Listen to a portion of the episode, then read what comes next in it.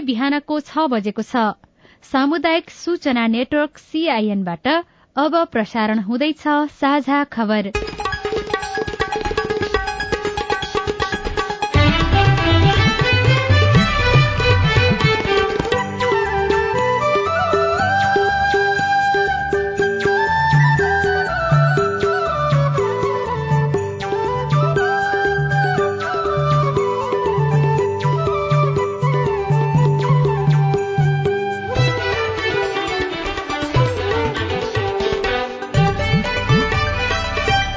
शुभ प्रभात। यो सीआईएन को साझा खबर हो। उषा तामाङसँगै लील प्रकाश चन्दको तपाईँलाई स्वागत छ। सामुदायिक रेडियोबाट देशैभरि एकैसाथ प्रसारण भइरहेको साझा खबर सीआईएन खबर डट कम र मोबाइल एप सीआईएनबाट पनि सुन्न सकिन्छ। आज दुई हजार उनासी साल भदौ तीस गते बिहिबार सेप्टेम्बर पन्ध्र तारीक सन् दुई हजार बाइस नेपाल सम्बत एघार सय बयालिस। आश्विन कृष्ण पक्षको पञ्चमी तिथि।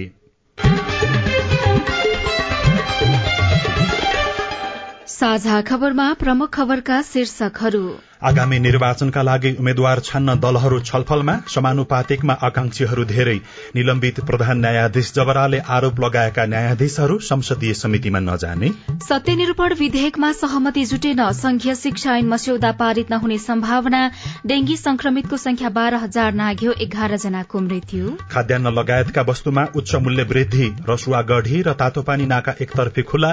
कोरोना बीमाका लागि आवश्यक एघार अर्ब तर एक अर्ब मात्र निकासा।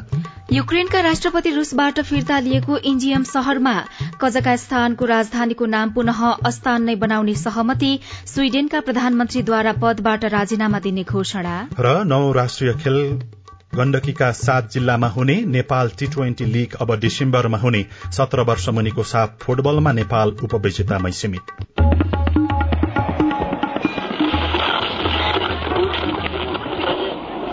रेडियो। हजारौं रेडियो कर्मी र करोड़ौं नेपालीको माझमा यो हो सामुदायिक सूचना नेटवर्क सीआईएन साझा खबरको सबैभन्दा शुरूमा आगामी निर्वाचनका लागि उम्मेद्वार छान्नका लागि दलहरू प्रक्रियामा अगाडि बढ़ेको प्रसंग नेपाली कांग्रेसले प्रतिनिधि सभा र प्रदेश सभामा उम्मेद्वार बन्नेहरूका लागि पाँचवटा मापदण्ड तय गरेको छ। शीर्ष नेताहरूको छलफलले प्रत्यक्ष र समानुपातिक उम्मेद्वार मापदण्ड तय गरेको हो।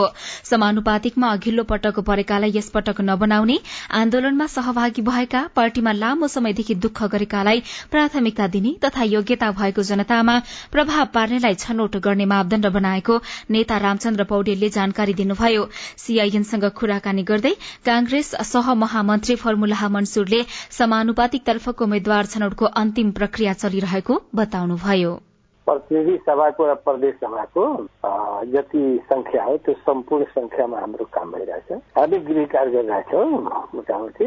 एक गतेसम्म त्यसलाई हामी फाइनल गर्न पर्छौँ अनि दुई गते या तिन गते हामी गर्छौँ। अनि अनि मात्रै फाइनल बनिन्छ कहाँ टुङ्गे के टुङ्गे भयो त्यसपछि कुरा हो। अहिले हामी सम्भावित उम्मेद्वारहरू सिफारिसबाट आएको छ त्यसलाई हेरेर कहाँ कसरी गर्दाखेरि राम्रो हुन्छ पार्टीलाई त्यो कुरा गर्छौँ आयोगमा समानुपातिक तर्फको बन्द सूची बुझाउने समय तीन दिन मात्रै बाँकी रहँदा अन्य दलले पनि उम्मेद्वार छनौटको काम गरिरहेका छन्। सीआईएनसँग कुराकानी गर्दै एमाले संसदीय दलका उपनेता सुभाष चन्द्र निमवाङले जिल्ला तहबाट सिफारिश भएका उम्मेद्वारहरूको नामावली आउने क्रम जारी रहेको बताउनुभयो। दुई दिनभित्रमा बन्द सूची टुंग्याउने उहाँको भनाइ छ। एकीकृत समाजवादी पार्टीका नेता रामकुमारी झाँक्रीका अनुसार पार्टीले समानुपातिक तर्फका उम्मेद्वारको सूची टुंग्याउने काम गरिरहेको छ। अहिले जिल्लाबाट सिफारिसहरू आइने क्रम जारी छ। जिल्लाबाट प्रदेशमा प्रदेशबाट केन्द्रीय कमिटीमा लिस्टहरू हेरेर अनि त्यो कानूनले तोकेका क्लस्टरहरू मिलाएर पार्टीको पनि आफ्नो ग्राउन्डको प्राथमिकता हुन्छ। अनि त्यो प्राथमिकतालाई हेरेर क्लस्टर वाइज बनाएर पठाउने प्रक्रियाभित्रै छ। त्यहाँबाट आएका नामहरूलाई पनि अलिकति हल्का फिल्टर गरेर पठाउने अधिकार पनि प्रदेशलाई छ। र केही थपेर पठाउने अधिकार पनि प्रदेशलाई भयो भएर केही सूचीहरू जिल्लाबाट पठाएको सूची हेरफेर चाहिँ प्रदेशले एकमुष्ट पठाउँछ। त्यसपछि त्यो प्रदेश सातवटा प्रदेशबाट आएको आधारमा केन्द्रीय कमिटीले गर्छ। माओवादी केन्द्रले पनि मंगिर चारमा हुने आम निर्वाचनका लागि समानुपातिकमा दोहोर्याएर नेता नपठाउने मापदण्ड तयार पारेको छ। माओवादीले समानुपातिक सूची तयार गर्नु अघि यस्तो प्रावधान सहितको मापदण्ड तय गरिएको हो। केन्द्रीय कार्यालय परिष्टाडामा बसेको पार्टी पदाधिकारी बैठकले समानुपातिक उम्मेद्वार छान्दा अन्तरिम व्यवस्थापिका बाहेकको समयमा समानुपातिक सदस्य भएकालाई नदोहोर्याउने भर्खरै स्थानीय तह निर्वाचनमा प्रतिस्पर्धा गरेकालाई प्राथमिकता नदिने र सूची पेश गर्दा सम्बन्धित समितिको बैठकले अनिवार्य अनुमोदन गरेको हुनुपर्ने निर्णय गरेको छ। समानुपातिकमा सिफारिश धेरै परेको छ छान्नको लागि दलहरूलाई सकस परिरहेको छ। नेपाली कांग्रेसमा एउटै क्षेत्रबाट पच्चीस जनासम्मको सिफारिश परेको छ। उम्मेद्वार छान्न बैठकहरू निरन्तर बसिरहेका छन्। त्यसै गरी तीन हजार दोब्बर प्राथमिकता अनुसार छनौटको गृह कार्य एमाले पनि गरिराखेको छ। माओवादी केन्द्रमा मध्य प्रदेशबाट अझै आएको छैन सिफारिश शनिबारसम्म टुंगो लगाउने तयारी गरिएको छ। त्यसै गरी अरू साना राजनैतिक दलहरूमा पनि सकस देखिएको छ। जसपाका प्रवक्ता मणि सुमनले सिफारिशनामाथि छलफल गरिरहेको बताउनुभयो। लोकसभाका नेता सुरेन्द्र झाका अनुसार करिब पैंतिस जिल्लाबाट सात सयको सिफारिश आएको छ राप्रपा प्रवक्ता मोहन श्रेष्ठले बुधबारसम्ममा आएका नामावली संसदीय बोर्डमा पुगेको र त्यसै अनुसार छलफल चलिरहेको पनि बताउनु भएको छ। सर्वोच्च अदालतका न्यायाधीशहरू महाभियोग सिफारिश समितिमा नजाने भएका छन्।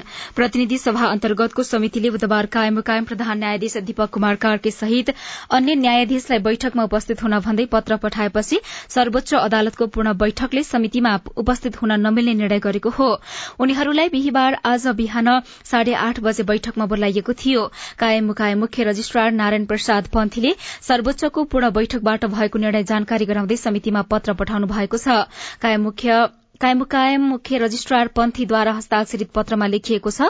प्राप्त हुन आएको पत्र अनुसार कोही पनि न्यायाधीश उपस्थित हुन नमिल्ने भएकाले सोही बेहोराको जानकारी महाभियोग सिफारिश समितिमा तत्काल लेखी पठाइदिने निर्णय भएको बेहोरा जानकारीका लागि अनुरोध गर्दछु। स्वतन्त्र न्यायपालिका र शक्ति पृथकीकरणको सिद्धान्त र संवैधानिक मान्यता अनुसार समितिमा उपस्थित नहुने निर्णय भएको सर्वोच्च समितिलाई पठाएको पत्रमा जनाइएको छ। निलम्बित प्रधान न्यायाधीश जबराले आरोप लगाएका व्यक्तिहरूलाई महाभियोग अभियोग सिफारिश समितिले बयानका लागि पत्र काटेको थियो। समितिले बयान दिन आरोप लागेका व्यक्तिहरूलाई पत्र काटेर बोलाएको हो।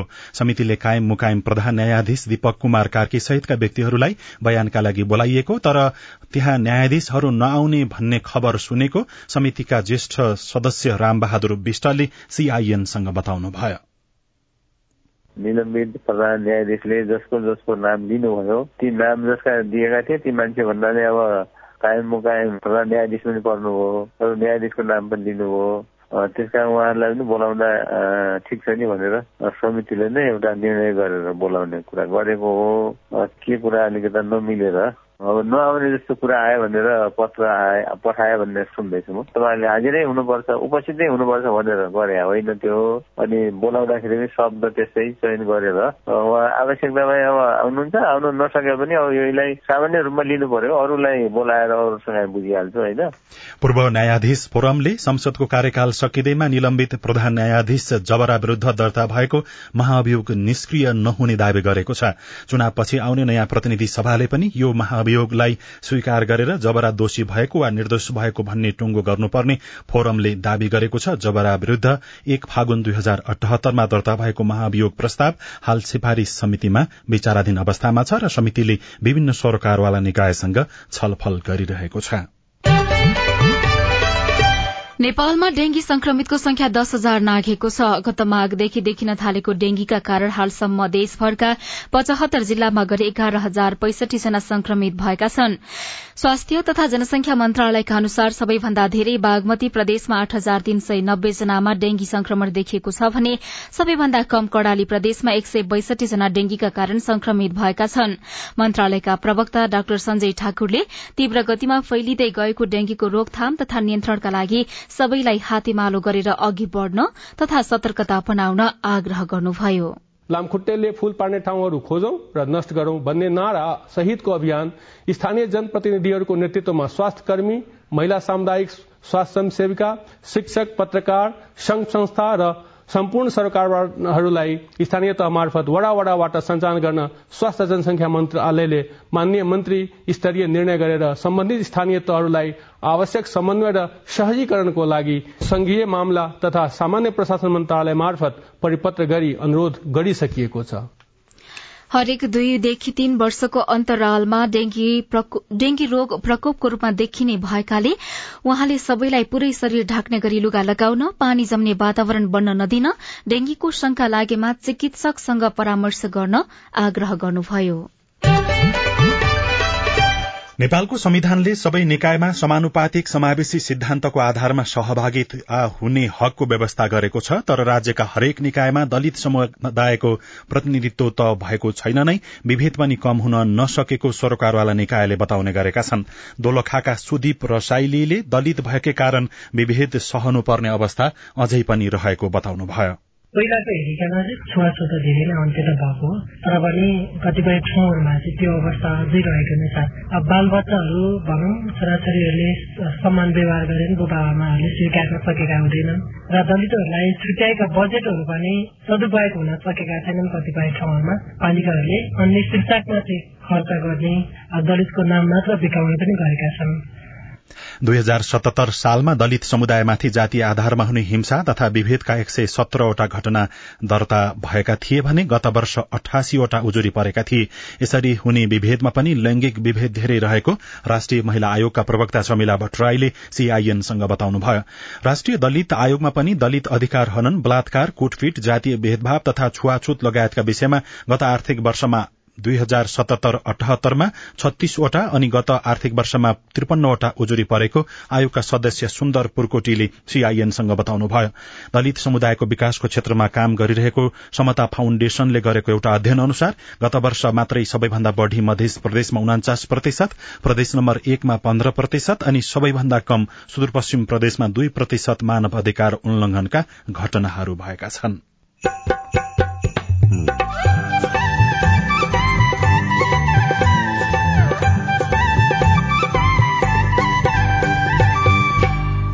सामुदायिक सूचना नेटवर्क सीआईएन मार्फत देशभरि प्रसारण भइरहेको साझा खबरमा अति विशिष्ट व्यक्तिको सवारी व्यवस्थापनमा अझै कमजोरी। सवारी हुने मान्छे त हुन त परिहाल्यो होइन? प्रशासनहरूले चाहिँ जामहरू मिलाउनु पर्छ है? सवारी हुने बेलामा त्यो टाइममा एकछिन मात्र बन्द गरेर फास्ट गरेर चलाउनु हो कि? सत्यनिरूपण विधेयकमा सहमति जुटेन खाद्यान्न लगायत वस्तुमा उच्च मूल्य वृद्धि रसुवा घड़ी र तातो पानी नाका एकतर्फे खुला लगायतका खबर बाँकी नै छन्। सीआईएनको साझा खबर सुन्दै गर्नुहोला।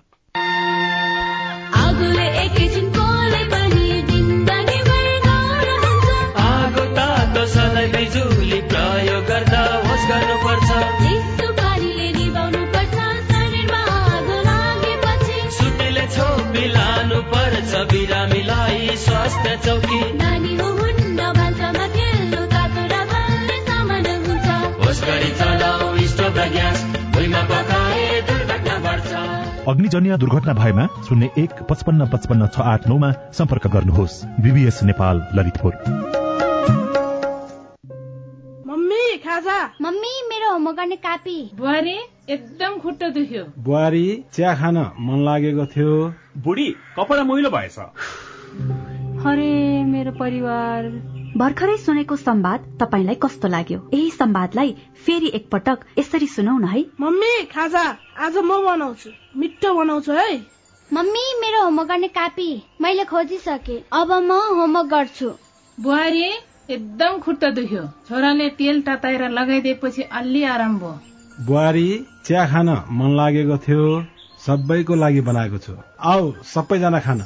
बुढी कपडा मैलो भएछ। घर नि कस्तो फोहोर। कपडा धोएर भ्याए। अब घर सफा गर्छु। कोरोनाको महामारीबाट बस्न पनि त सरसफाई जरुरी छ नि। आहा मेरो परिवार। तपाईँलाई दोस्रो संवाद कस्तो लाग्यो? पक्कै राम्रो लाग्यो। हो तपाईँ हामी बीच जिम्मेवारी बोध भयो भने एक अर्का बीचको निकटतालाई अझ राम्रो बनाउन सकिन्छ। बाढी चोडी जिम्मेवारी परिवारमा समझदारी। महिला बाल बालिका तथा ज्येष्ठ नागरिक मन्त्रालय युएन वुमन ल्याक र अकुराबको सहकार्य। सामाजिक रूपान्तरणका लागि यो हो सामुदायिक सूचना नेटवर्क सीआईएन तपाई अहिले देशभरिका सामुदायिक रेडियो सीआईएन खबर डट कम र मोबाइल एप सीआईएनबाट एकैसाथ साझा खबर सुन्दै हुनुहुन्छ। अब आज काठमाडौँबाट प्रकाशित पत्र पत्रिकाको खबर। गोर्खापत्र दैनिकमा खुले नाका शीर्षकमा खबर छ कोविड उन्नाइस संक्रमण फैलिएसँगै बन्द रहेको रसुवागढ़ी केरूङ नाका बिहिबारदेखि खुल्ला हुने भएको छ। चीनको केरूङबाट सामान बोकिएका चौधवटा कन्टेनर आज रसुवागढ़ी नाका आइपुग्नेछन् जिल्ला प्रशासन कार्यालय रसुवाका सहायक प्रमुख जिल्लाधिकारी दयाराम पौडेलले चिनिया पक्षबाट आजदेखि व्यापारिक नाका खुल्ला हुने मोबाइल सन्देश प्राप्त भएको जानकारी दिनुभयो। सिन्धुपाल्चोकको तातुपानी नाका पनि एकतर्फी खुल्ला भएको छ। चीनबाट नेपाली सामान बोकेका एघारवटा कन्टेनर दैनिक नेपालतर्फ आइरहेको प्रमुख जिल्लाधिकारी वेदनीति खनालले जानकारी दिनुभयो। गोर्खापत्रमै अर्को खबर छ महँगियो दशैं खाद्यान्न लगायतका वस्तुमा उच्च मूल्य वृद्धि। यो खबरलाई सीता शर्माले लेख्नु भएको हो। चाडपर्वको समयमा चामलको मूल्य प्रति केजीमा पाँचदेखि दस रूपियाँसम्म महँगिएको छ। नेपाल खुद्रा व्यापार संघका अनुसार गएको असारमा सोनामन्सुली चामल प्रति केजी पचपन्न रूपियाँ रहेकोमा भदौदेखि बढ़ेर साठी रूपियाँ पुगेको छ। स्टिम जिरा मसिनो चामल प्रति केजीको मूल्य पचहत्तर रूपियाँ थियो भने अहिले एक केजीमै दस रूपियाँ बढ़ेर पचासी रूपियाँ पुगेको छ। संघका अनुसार चामल मात्र नभएर दशैंमा बढ़ी माग हुने चिउरा मैदा आटा गरम मसला जिरा धनियाँ लगायतका सबै खाद्य वस्तुको पनि भाव बढ़ेको छ। प्रधानमन्त्री उत्पादन अभिवृद्धि कार्यक्रमको अवधारणा पत्र छलफलमा उद्योगको योगदान पन्ध्र प्रतिशत पुर्याइने शीर्षकमा खबर छ। उद्योग वाणिज्य तथा आपूर्ति मन्त्रालयले आगामी एक दशकमा कुल गृहस्थ उत्पादनमा उत्पादनमूलक क्षेत्रको योगदान पन्ध्र प्रतिशत पुर्याउने लक्ष्य लिएको छ। सो मन्त्रालयले प्रधानमन्त्री नेपाली उत्पादन तथा उपभोग अभिवृद्धि कार्यक्रम मार्फत उत्पादनमूलक क्षेत्रको योगदान पन्ध्र प्रतिशत पुर्याउने लक्ष्य राखेको हो।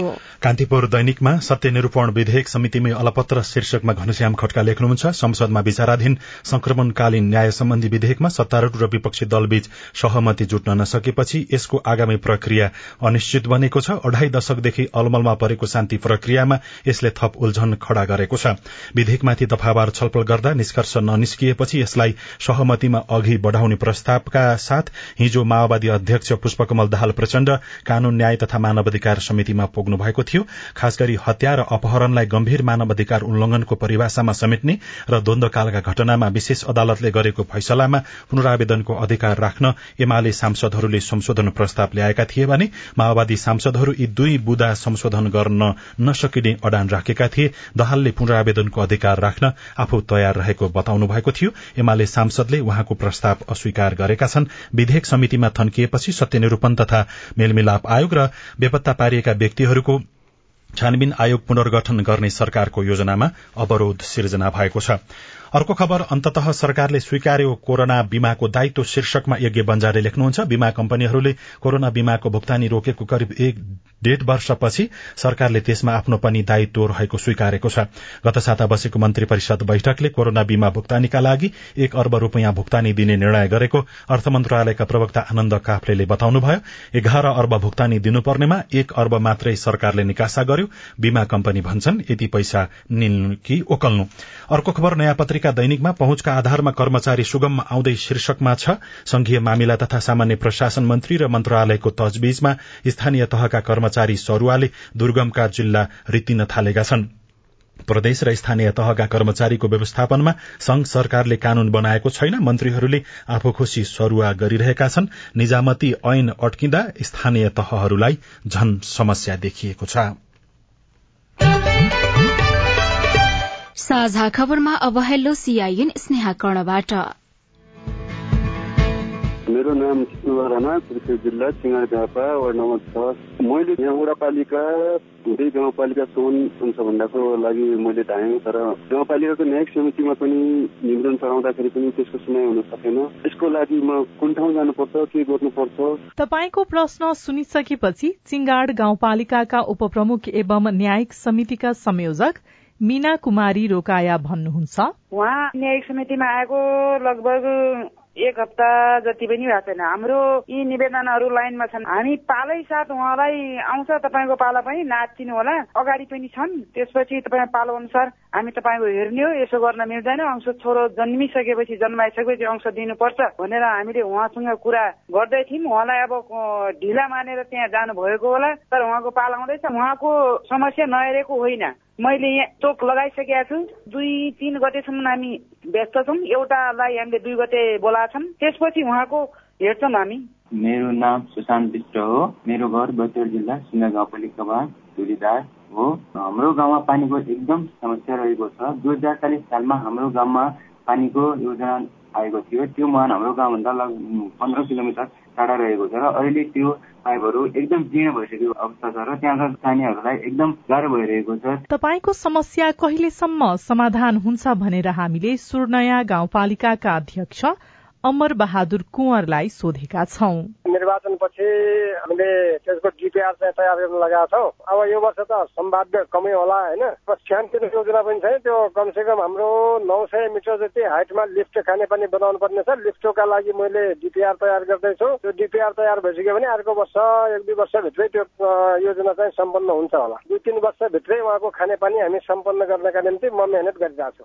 अनि कालीकोटको पचाल झरना गाउँपालिकाका महेन्द्र कठायतको प्रश्न छ। आउँदै गरेको मंसिर चार गतेको निर्वाचनमा अपाङ्गता भएका व्यक्तिले म्याटी प्रहरीमा भर्ना हुन मिल्छ कि यति मिल्दैन भने कस्ता व्यक्तिले र कति वर्ष उमेर लागेका व्यक्तिले मात्र भर्ना हुन मिल्छ होला? तपाईँको प्रश्नमा कालीकोटका प्रहरी नायब उपरीक्षक जयेश्वर रिमालको जवाब छ। म्यादी प्रहरीमा भर्ना हुनको लागि शारीरिक र मानसिक रूपले स्वस्थ रहेको हुनुपर्छ।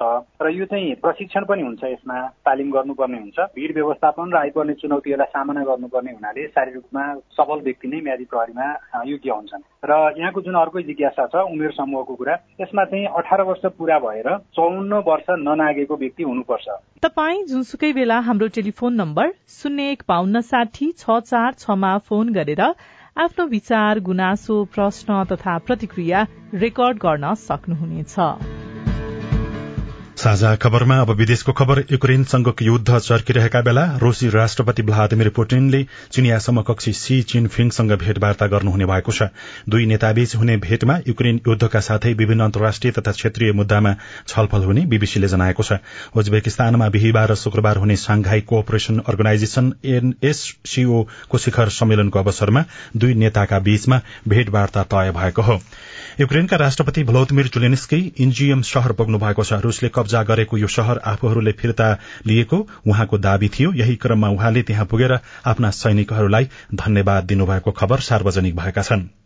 कजाकस्तानका राष्ट्रपति कासिम जोमाट टोकायबले देशको राजधानीको नाम पुनः अस्थाना नै बनाउने सहमति जनाउनु भएको छ। तीन वर्ष अघि टोकायब आफैले पूर्ववर्ती राष्ट्रपति तथा उहाँका राजनीतिक गुरू नूर सुल्तान नजरबायबको सम्मानमा राजधानीको नाम बदलेर नूर सुल्तान राख्नु भएको थियो र स्वीडेनका पहिलो महिला प्रधानमन्त्री म्यागडोलेना एण्डरसनले पदबाट राजीनामा दिने घोषणा गर्नु भएको छ। आइतबार भएको चुनावमा आफ्नो सरकार पराजित भएपछि उहाँले पदबाट राजीनामा दिने घोषणा गर्नु भएको हो। साझा खबरमा अब खेल खबर। गण्डकी प्रदेशमा हुने नवौं राष्ट्रिय खेलकुद प्रतियोगिताको खेलस्थल र तालिका सार्वजनिक भएको छ। प्रतियोगिता प्रचार प्रसार समितिका अनुसार प्रदेशका एघार मध्ये सात जिल्लामा खेल हुनेछन्। छत्तीस खेल मध्ये उनातिसवटा खेल कास्कीको पोखरामा हुनेछन् भने बाँकी खेल गण्डकीका अन्य छ जिल्लासँगै काठमाण्डुमा हुने भएको छ। असोज आठदेखि हुने भनिएको नेपाल टी ट्वेन्टी लीग हाललाई स्थगित गरिएको छ। सुरक्षाको कारण देखाउँदै प्रतियोगिता सारिएको नेपाल टी ट्वेन्टी लीगको गवर्निङ काउन्सिल प्रमुख प्रशान्त विक्रम मल्लले जानकारी दिनुभयो। क्यानले डिसेम्बर एघारदेखि एकतीससम्म नेपाल टी ट्वेन्टीका लागि नयाँ मिति अगाडि सारेको छ। र श्रीलंकामा आयोजना भइरहेको सत्र वर्ष मुनिको साफ फुटबल प्रतियोगिताको फाइनलमा नेपाल भारतसँग चार शून्यले पराजित भएको छ। जीतसँगै भारतले उपाधिमाथि कब्जा जमाएको छ। यसअघि समूह चरणमा नेपालले भारतलाई तीन एकले हराएको थियो। यस जीतसँगै भारतले लगातार दोस्रो पटक उपाधि जितेको छ। स्वदेशी वा विदेशी अति विशिष्ट पाहुना आउँदा जहिले नागरिकलाई शास्ति। रेडियो रिपोर्ट स्वस्थ जीवन शैली सम्बन्धी सन्देश अरू खबर र कार्टुन पनि बाँकी नै छ। सीआईएनको साझा खबर सुन्दै गर्नुहोला। एक वर्षमा चौबिस महिना सुनेको छ छैन। नसुने सुने हालौ नबुझे बुझी हालौ होमको अब एक वर्षको रिचार्ज गरेर दुई वर्षसम्म डिसोम हेर्न पाइन्छ भने भएन त एक वर्षमा चौबिस महिना। अनि रिचार्ज चाहिँ कसरी गर्ने नि? डाइरेक्ट डिलर दाइकोमा गएर फन्ड ट्रान्सफर मार्फत रिचार्ज गरे भइहाल्यो नि। अझ प्रत्येक साता सो साताभरिमा एक वर्षको लागि रिचार्ज गर्नेहरू मध्येबाट एकजनालाई विकली लकी ड्र मार्फत नगद रु एक लाख पुरस्कार पनि दिइन्छ। डिस होमको तर्फबाट दशैं तिहार तथा छठ पर्वको शुभकामना। साथै यो सेवा आइएमई पे ई सेवा र खल्तीबाट पनि अनलाइन रिचार्ज गर्न सकिन्छ। सामाजिक रूपान्तरणका लागि यो हो सामुदायिक सूचना नेटवर्क सीआईएन साझा खबरमा अब ट्राफिक व्यवस्थापनमा भइरहेको कमजोरी। चिनिया जनकंग्रेसका अध्यक्ष ली चान्सु चार दिने नेपाल भ्रमण सकेर आज फर्कदै हुनुहुन्छ। सरकारले ली चान्सुलाई अति विशिष्ट स्तरको सुरक्षा दिएको छ। यसपटक उहाँको भ्रमणलाई लिएर भन्दा भ्रमणका कारण काठमाण्डु उपत्यकामा उत्पन्न भएको अस्त व्यस्ततालाई लिएर धेरै चर्चा भयो। सोमबार काठमाडौँ आइपुग्नुभएका चान्सु त्यही दिनको साँझबाट नै राजनैतिक भेटघाटमा व्यस्त हुनुभयो। चान्सुको राजनैतिक भेटघाट बढ्दै जाँदा काठमाडौँको ट्राफिक व्यवस्थापन पनि अस्तव्यस्त बन्यो।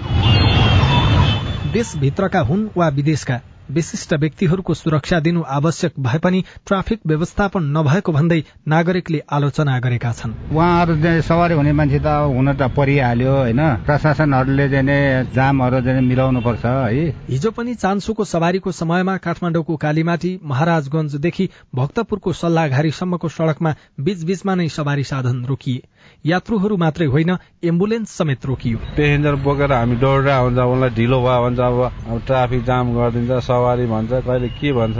उच्च पदस्थ व्यक्तिको सवारीका क्रममा सुरक्षा प्रदान गर्नु राज्यको दायित्व हो। भ्रमणको अवधिभरमा जोर बिजोर प्रणाली लागू गरेर नागरिकलाई पूर्व जानकारी गराएर तथा वैकल्पिक मार्गबारे बताएर जामलाई कम गर्न सकिन्थ्यो। तर यसपटक मात्रै होइन अति विशिष्ट व्यक्तिहरूको भ्रमणमा पटक पटक यस्तो क्रम दोहोरिने गरेको छ। हाम्रै देशको मन्त्री होस् राष्ट्रपति होस् तिनीहरूको बेलामा चाहिँ नगरे हुन्थ्यो जस्तो लाग्छ मलाई। राम्रो काम गर्यो भने कसले के गर्छ र होइन?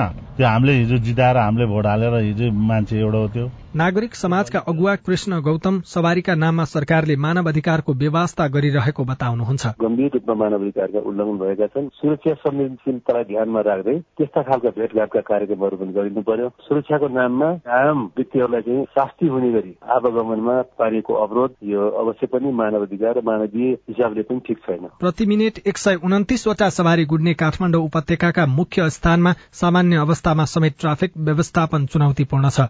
तर विशेष अवस्थामा समेत व्यवस्थापनका उपायहरू प्रशस्त रहेको ट्राफिक प्रहरीका पूर्व प्रहरी निरीक्षक सीताराम हाछेथु बताउनुहुन्छ। सवारी राख्नुहुन्न। सवारी सबै चेन्ज गर्नुपर्छ। अर्को चिज के छ भने सवारी आउने बेलामा यो ठाउँमा बाटो बन्द हुन्छ यो बाटो प्रयोग गर्नु यो बाटो प्रयोग गर्नुपर्छ र भन्नुपर्छ हजुरबाट। एउटा जोड बिजोड गर्ने कि? अर्को कुरा ठुलो बाटोमा आदि यो बाटो सवारी यो बाटो मान्छे गाडी कुद्ने ठाउँ दिने कि यसो विकल्प धेरै छ अर्को कुरा सवारी हुने बेलामा त्यो टाइममा एकछिन मात्र बन्द गरेर फास्ट गरेर चलाउने हो कि अब आज सवारी हुनु कहाँ कहाँ आधा घन्टा जाम पार्ने ट्राफिकले यिनले चाहिने गरेर पो जाम परेको रहेछ हामीलाई त दुःख पाएको रहेछ नि भिआइपीलाई गाली गर्यो नेपालले बोलाउने के दोष उहाँलाई पर्याप्त पार्किङ स्थल र फराकिला सड़क नभएका कारण पनि विशिष्ट व्यक्तिहरूको भ्रमणमा बारम्बार यो क्रम दोहोरिने गरेको छ त्यसमाथि सम्बन्धित मन्त्रालय र ट्राफिक प्रहरीको पूर्व तयारी बिना तत्काल यो समस्या हट्ने देखिँदैन। अविनाश आचार्य सीआईएन काठमाडौँ। रिपोर्टसँगै हामी साझा खबरको अन्त्यमा आइपुगेका छौं। सामुदायिक रेडियो प्रसारक संघद्वारा संचालित सीआईएनको बिहान छ बजेको साझा खबर सक्नु अघि तपाईँको स्वस्थ जीवनशैलीसँग जोडिएको एउटा सन्देश मुटुको चाल गडबड किन हुन्छ? रक्तचाप भन्नुहोस् हार्ट एट्याक भन्नुहोस् मुटुको मसलै बिग्रने रोग हुन्छ केही जन्मजात मुटुका रोग हुन्छन् मुटुको इन्फेक्सन हुन्छ यी सबै रोगहरूमा मुटुको चाल गडबड हुन सक्छ। कुनै केही मुटुको रोग नभएको मान्छेलाई अथवा मुटुको कोठा भन्नुहोस् मुटुको रगतको नली यावत चिजहरू नर्मल हुँदा हुँदै पनि मुटुको चाल गडबड हुन सक्छ। उमेर आफै पनि मुटुको चाल गडबड हुने एउटा कारण हो। सबै मुटुको चालको गडबडीलाई औषधि पनि चाहिँदैन। सबै मुटुको चालको गडबडीलाई पेसमेकर राख्नु पनि पर्दैन कुनै विशेष उपचार पनि गर्नु पर्दैन। कहिले काहीँ त बिरामीलाई तपाईँ ढुक्क भएर बसे हुन्छ भनेर मात्रै पुग्छ। धेरै जसो चालको गडबडीलाई औषधिले पुग्छ। र केही चालको गडबडीहरूलाई पेसमेकर राख्नुपर्ने हुनसक्छ। डाक्टर मान बहादुर केसीसँगको कुराकानीमा आधारित यो सन्देशसँगै साझा खबरमा मुख्य मुख्य खबर फेरि पटक आगामी निर्वाचनका लागि उम्मेद्वार छान्न दलहरू छलफलमा समानुपातिकमा आकांक्षी धेरै निलम्बित प्रधान न्यायाधीश जबराले आरोप लगाएका न्यायाधीशहरू संसदीय समितिमा नजाने। सत्यनिरूपण विधेयकमा सहमति जुटेन। संघीय शिक्षा ऐन मस्यौदा पारित नहुने सम्भावना डेंगी संक्रमितको संख्या बाह्र हजार नाग्यो एघार जनाको मृत्यु। खाद्यान्न लगायत वस्तुमा उच्च मूल्य वृद्धि रसुवा गढ़ी र तातो पानी नाका एकतर्फी खुला। कोरोना बीमाका लागि आवश्यक एघार अर्ब तर सरकारद्वारा एक अर्ब मात्र निकासा। युक्रेनका राष्ट्रपति रूसबाट फिर्ता लिएको इन्डियम शहरमा कजकस्तानको राजधानीको नाम पुनः अस्तान नै बनाउने सहमति स्वीडेनका प्रधानमन्त्रीद्वारा पदबाट राजीनामा दिने घोषणा। र सत्र वर्ष मुनिकाको साफ फुटबलमा नेपाल उपविजेतामै सीमित। साझा खबरको अन्त्यमा कार्टुन कार्टुन हामीले नयाँ पत्रिका दैनिकमा। रवि मिश्रले बनाउनु भएको कर्नर केक शीर्षकको कार्टुन लिएका छौं। व्यङ्ग्य गर्न खोजिएको छ। स्थानीय तहहरूमा स्थानीय जनप्रतिनिधि भन्दा पनि ठेक्कापट्टामा लागेका व्यक्तिहरू बढ़ी निर्वाचित भएको भनेर खबर सार्वजनिक भएका थिए। यहाँ ठेक्का पालिका लेखिएको छ माथिपट्टि र अगाडिपट्टि ढोकाबाट एकजना व्यक्ति भित्र छिरेका छन्। भित्र ठेक्का पालिकाका प्रमुखले केही भन्दैछन्। माथि चाहिँ यस्तो लेखिएको छ कति ढिला गरेको योजना बनाउन? मेरो डोजर त भोकाइ छोक्यो क्या? हवस् त प्राविधिक साथी सुनिल राज भारतलाई धन्यवाद। अहिलेलाई लील प्रकाश चन्द र उषा तामाङ विदा भयौं। तपाईँको आजको दिन शुभ होस्। नमस्कार। यसपछि देशभरिका सामुदायिक रेडियोबाट कार्यक्रम साझा आवाज प्रसारण हुनेछ। सुन्ने प्रयास गर्नुहोला।